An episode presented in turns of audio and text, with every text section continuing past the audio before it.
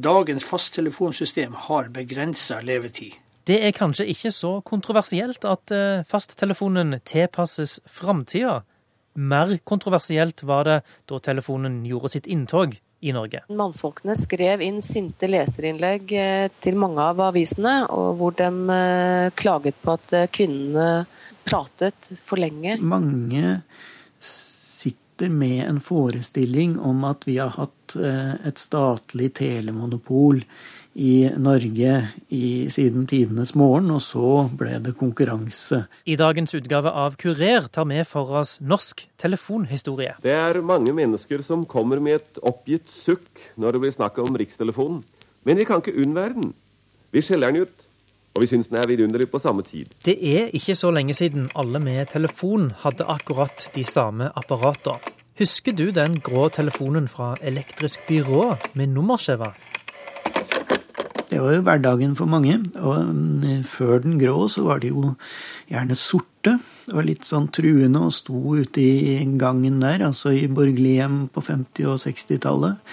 Og stort sett så hørte man ikke at de ringte så veldig ofte, fordi det var jo Altså Det var mulig å få telefon hvis man var villig til å stå på venteliste og i kø. Det var jo lange køer på, på 50- og 60-tallet for å få telefon. Men de var dyre å bruke. Dette sier Harald Rinde, som er professor i historie og har skrevet om norsk telekommunikasjonshistorie. Én ting er at det var dyrt å ringe. En annen var at det egentlig ikke var du som eide telefonen det forteller Laila Andersen ved Telemuseet. Televerket eide jo telefonen. Du leide den jo bare. Det var jo først når eh, de ikke hadde monopol lenger og fikk konkurranse, at du gikk i butikken og kunne velge hvilket apparat du selv ville ha. Du, mm. du, med abonnementet, telefonabonnementet så fulgte det med en telefon. Og den telefonen den varte jo i mange, mange år. ikke sant? Du kunne hatt den samme telefonen i 20 år. ikke sant? Sånn som disse grå telefonapparatene som mange husker, som plystrer Det høres ut som de plystrer når du ringer på den. Og den kom i 1967, og folk brukte den helt frem til digitaliseringen begynte. Og når, når telefonnettet ble digitalisert, så fikk vi også taster på telefonene. Da var det mange som byttet ut denne grå telefonen med en tastafon. Og det, dette syns jo folk var eh, vakkert. Og syns jo det var en veldig flott eh, design også på tastafonen. Da kunne du jo eh, selv viderekoble telefonen din, og du kunne ha en svarer. Så du fikk sånn firkant og stjernetast på, på telefonapparatet, hvor du fikk mange tjenester i tillegg, da.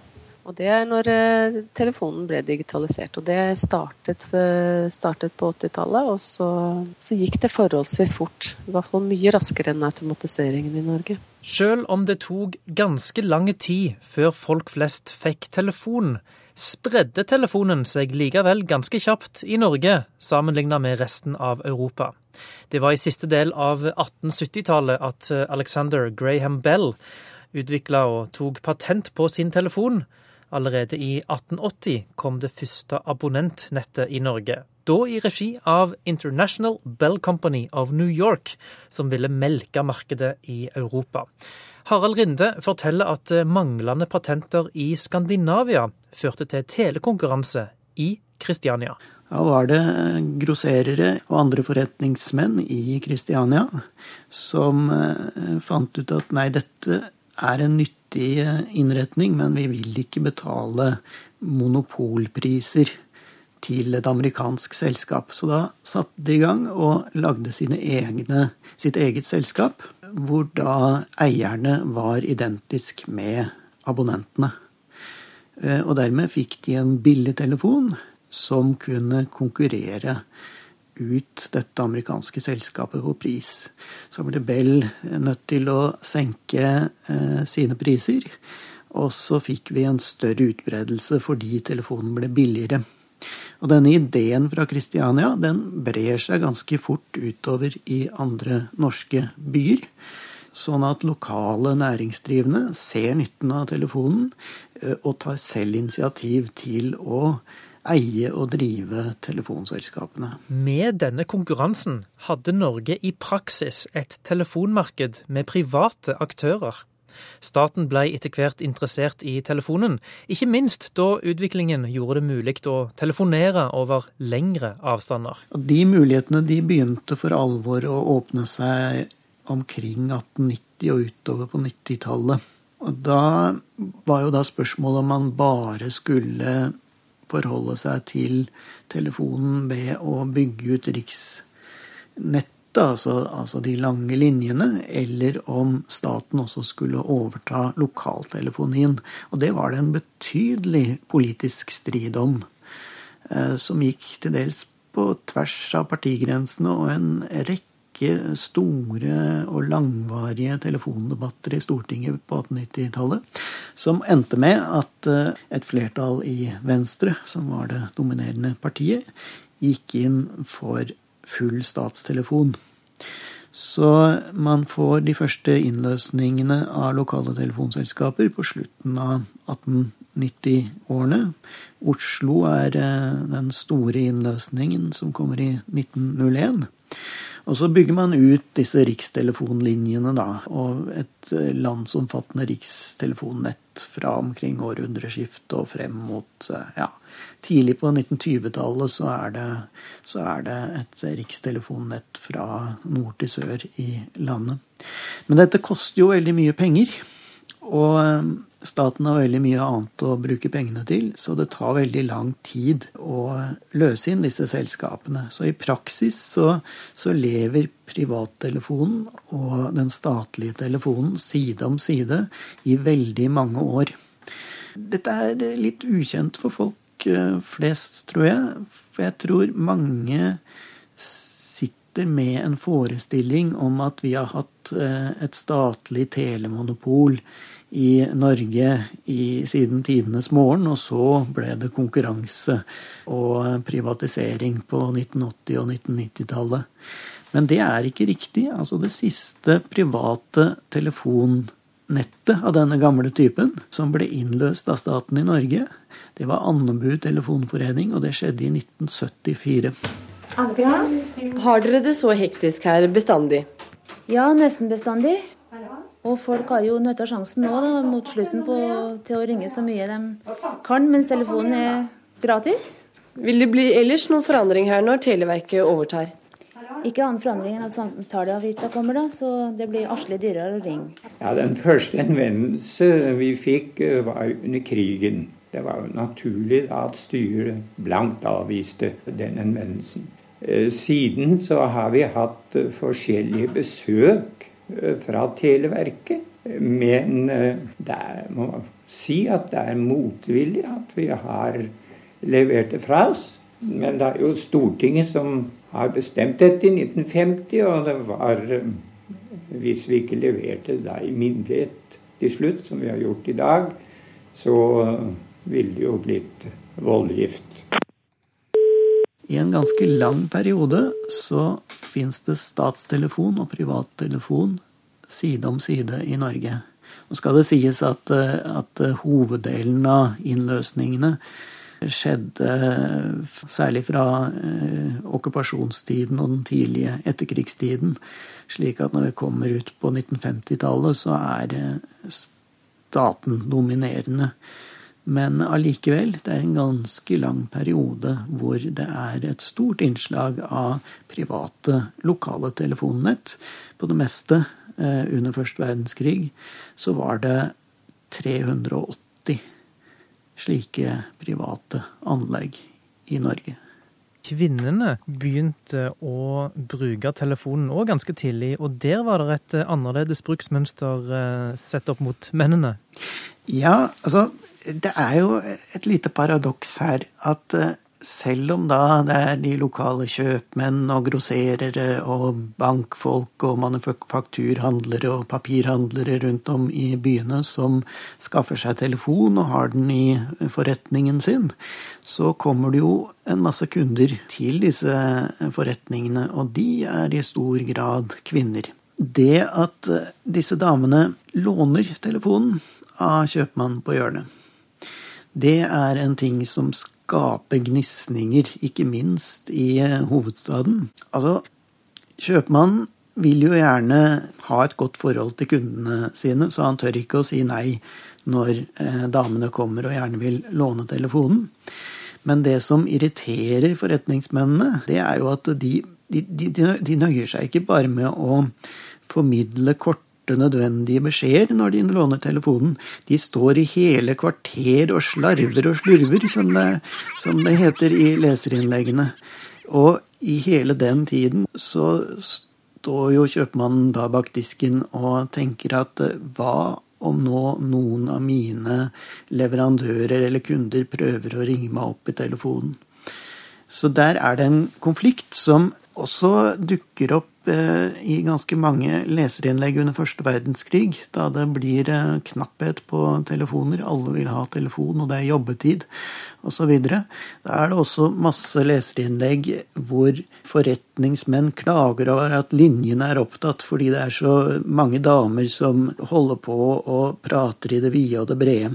Og Aftenpostens redaksjon presiserer i eh, en leder at telefonen er fort fortrinnsvis for korte beskjeder og nyttige samtaler, ikke for løst preik. Og Det samme går igjen i skikk- og brukbøkene i, i samtiden. Så det er det man, den mannlige måten å bruke telefonen på som, som framheves som normen. Den korte, nyttige, konsise samtale. Men kvinnene de lar seg tydeligvis ikke påvirke av dette her. Sånn at de fortsetter å bruke telefonen på en annen måte, nemlig til å vedlikeholde sosiale nettverk. Ikke bare førte lange telefonsamtaler eh, på kjøpmennene sine telefoner hodebry. Da telefonkioskene så dagens lys og ble plassert ut i de store byene, fortsatte kvinnene med sitt eh, telefonbruksmønster forteller Leila Andersen. Mannfolkene skrev inn sinte leserinnlegg eh, til mange av avisene, hvor de klaget på at kvinnene pratet for lenge i kioskene. Og dessuten så var det jo bare pjatt de drev med, og disse business-forretningsmennene hadde jo mye viktigere samtaler å, å, ta. Så de mente at det skulle være reserverte telefonkiosker for, spesielt for menn kvinnene brukte telefonkioskene eh, veldig aktivt. For endelig, De var jo husmødre, veldig mange av de var eh, hjemmeværende. Og det var jo veldig viktig for de, og kiosken ble veldig viktig for de i forhold til å ha kontakt med familie og venner. Ironisk nok var det ikke bare klaging og syding kvinnene måtte tåle. De var faktisk helt uunnværlige, òg for de korte og såkalte nyttige samtalene. Selv om de fleste abonnentene var menn i denne tidlige perioden, så, så skulle jo disse samtalene kobles sammen, og det ble fra starten av et eh, nesten utelukkende et kvinnearbeid. Slik at man hadde manuelle telefonsentraler som alle abonnentlinjene gikk inn til, gjerne sentralt plassert da, i en by. Og, og, der satt kvinner på rekke og rad og koblet disse samtalene. Og det var eh, unge kvinner. Eh, gjerne kvinner av arbeiderklassen, for dette var forholdsvis dårlig betalt arbeide, og samtidig et arbeide som krevde forholdsvis lite opplæring. Eh, de var ugifte. Det var ganske lenge, frem til 1906, et forbud mot å fortsette som telefonistinne, i, i hvert fall eh, i statstelefonnettet, etter at man giftet seg. Og selv etter at det forbudet ble opphevet, så forble det ganske vanlig å slutte når man giftet seg. Så her var det ganske mange arbeidsplasser etter hvert. Eh, mange hundre. Og etter hvert flere tusen eh, etter hvert som telefonen bredte seg. Det hadde jo vært eh, kvinnelige teleansatte før også, for det, det var en del kvinnelige telegrafistinner i Telegrafverket. Og de hadde en annen status. Så her er det også en, en klassekomponent, altså telegrafistinnene var gjerne embetsmannsdøtre.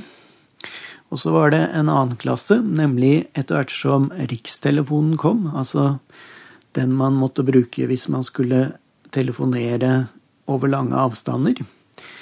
Rikstelefonistinnene var eh, hakket under eh, telegrafistinnene, men også rimelig eh, velutdannede mennesker. Og så var liksom eh, de lokale sentralborddamene ved de lokale telefonnettene, det var liksom nederste trinn på stigen. Medarbeiderne på de manuelle telefonsentralene satte opp telefonen, og det holdt de på med ganske lenge. Automatiseringa gikk nemlig tregt. De fleste manuelle sentralene ble automatiserte på 1960- og 70-tallet. Hallo. Jeg kommer dit nå. Ja, det var ikke meninga. Det var Nei. Det var noen av de siste samtalene du får. antar jeg. Det førte jo også til at flere kunne få telefon, fordi eh, det ble mye rimeligere. Eh, produksjonen av telefonapparater eh, ble industrialisert. Man fikk støpt telefonapparatene i helplast. Det medførte igjen til at det ble lange, lange ventekøer hos Telegrafverket for å få telefon. Og da kom telefonkiosken veldig godt med. Så den Norges lille røde, telefonkiosken, den ble plassert første gang ut på Akershuskaia i 1933. De hadde Man kunne betale for å ringe før også, men det var en avtale med Narvesen-kiosken. Eh, og da var man helt avhengig av å, at den var åpen. Kiosken var åpen. Men når den fikk eh, disse røde telefonkioskene, da kunne man ringe hele døgnet. Og der var det ofte veldig lange køer. Veldig mange av de som er eh, vokst opp med telefonkiosken, og det er det jo veldig mange av oss, har minner. og vi får høre en del av det oppi, i, når vi har publikum oppe i utstillingen og har dem med på omvisning. Så får vi en del sånne historier. Og mange sier at ja, jeg husker jeg, jeg husker jeg eh, når, jeg skulle, når jeg ble pappa, så måtte jeg løpe ned på torvet, jeg måtte stelle meg i kø. Og når jeg kom, endelig det ble min tur, og jeg skulle fortelle familie og venner om eh, at jeg har blitt far, så gråt jeg litt, og, og, og alle utenfor kiosken hørte jo hva jeg snakket om. Så når jeg gikk ut av kiosken igjen etterpå, så fikk jeg da et klapp på skulderen, og de gratulerte meg. og så du delte jo veldig mange av disse private samtalene med mange av de som sto utenfor i kø. Verdens første gaffelløse telefon ble lansert i 1932. Det var konstruksjonssjef Johan Christian Bjerknes ved Elektrisk Byrå som utvikla den. Han var svært anerkjent og, og svært dyktig konstruktør. Han fikk i oppdrag å lage et telefonapparat tilpasset disse nye automatiske telefonsentralene. Så da gikk man jo da fra sveiv på telefonen til å få en nummerskive. Og han hadde vært på en verdensutstilling og sett eh, noen høyttalere som var støpt i helplast. Og plastmaterialet var jo helt, helt nytt. Og han tenkte at dette må være en god løsning for eh, produksjon av telefonapparater. Og det hadde han helt rett i. Han eh, tegnet da den første helstøpte telefonapparat i plast i verden. Vi kaller den i Norge for 1932-modellen. Den var også verdens første telefonapparat som ikke hadde denne gaffelen som stakk opp av apparatet, men den var skjult nede i batterikassen. Elektrisk byrå synes den eh, var eh, veldig fin. Problemet var at ikke vi hadde et støperi i Norge. Så LM Eriksson kjøpte patentet masseproduserte telefonapparatet og kalte apparatet The Swedish Model. Mange sier at det er, et, eh, er verdens mest brukte telefonapparat, fasttelefonapparat. Og hvis du ser dette sorte apparatet, så er det mange som kjenner igjen akkurat det apparatet. Fra amerikanske filmer, eller som har hatt det selv eh, hjemme når de var små. Utbredelsen av telefonen kan på et vis sammenlignes med bilens inntog. Den ble utvikla og kom tidlig, men det var først i etterkrigstida at vi begynte å få massebilisme. For telefonens del ble 1970 et merkeår, da halvparten av husholdningene i Norge hadde telefon hjemme. Det er jo ikke så veldig lenge siden. Altså Når vi tenker på at telefonen ble introdusert i Norge i 1880, så tar det altså 90 90 år før halvparten av alle husstander har telefon. Så sånn sett så, så, er det en langsom prosess. Nå, nå, nå hadde jo folk telefon øh, og hadde tilgang til telefon på arbeidsplassen, eller de kunne gå ut og stille seg i en av de røde telefonkioskene til Televerket. Men, men allikevel, dette er, eh, det er forholdsvis eh, kort tid siden i historisk perspektiv at eh, telefonen ble noe som alle hadde eh, lett eh, tilgang til. Fornyelse av utstyret trengs jo av og til, og her kommer telefonmontører for å skifte ut apparatet i en av telefonkioskene i Oslo. På de nye apparatene som settes inn, slipper man den tidligere trykknappen som sørget for forbindelse dersom den oppringte svarte. Nå er dette naturligvis blitt helautomatisk. For 10-15 år siden hadde Telenor rundt 2,6 millioner fasttelefonkunder. Ved årsskiftet var dette tallet rundt 800 eh, 000.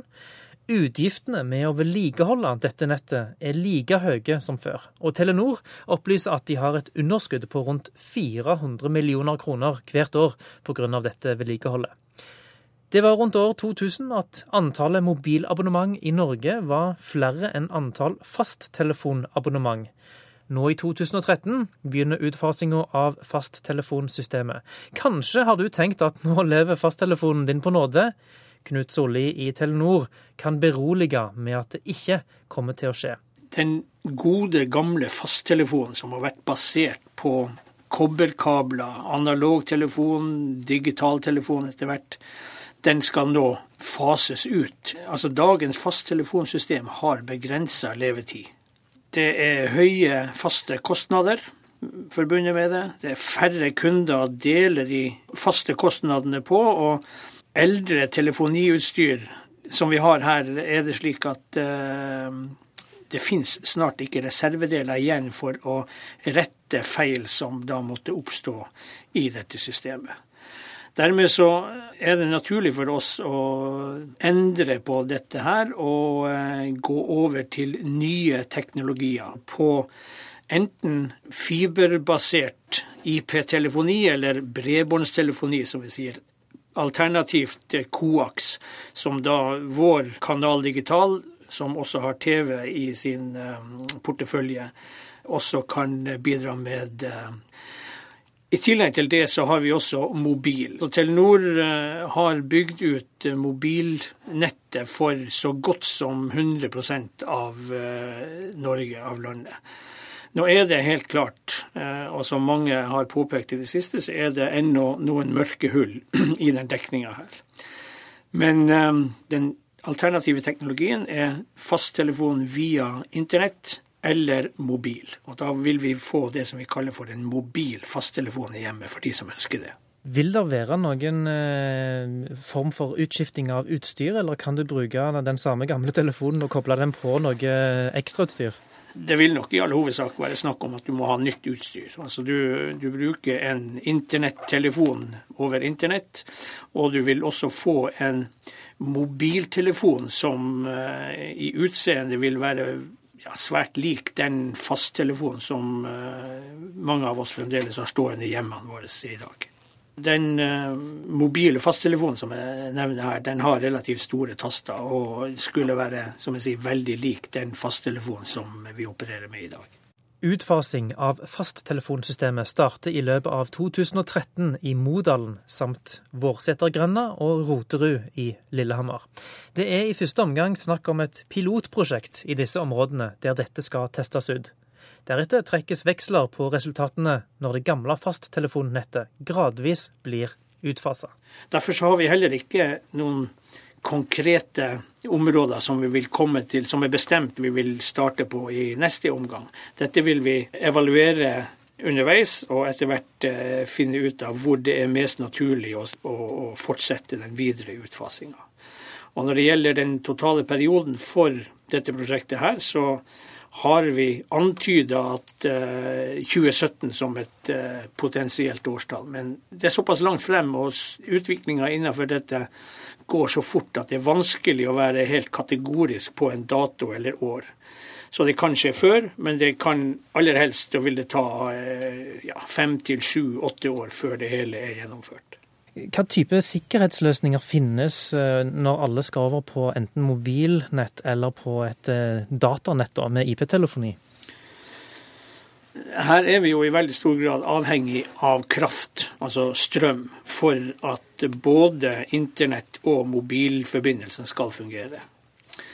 Når det gjelder mobil, så har vi jo med eh, disse stormene Berit og Dagmar som raste i, i jula i 2010, nei 2011 var det, så, så har vi med, med de i friskt minne så har både Telenor og andre mobiloperatører i Norge engasjert seg der, sammen med at eh, Post- og teletilsynet også er involvert i en utarbeidelse av retningslinjer for hvordan det skal sikres med hensyn til krafttilførsel.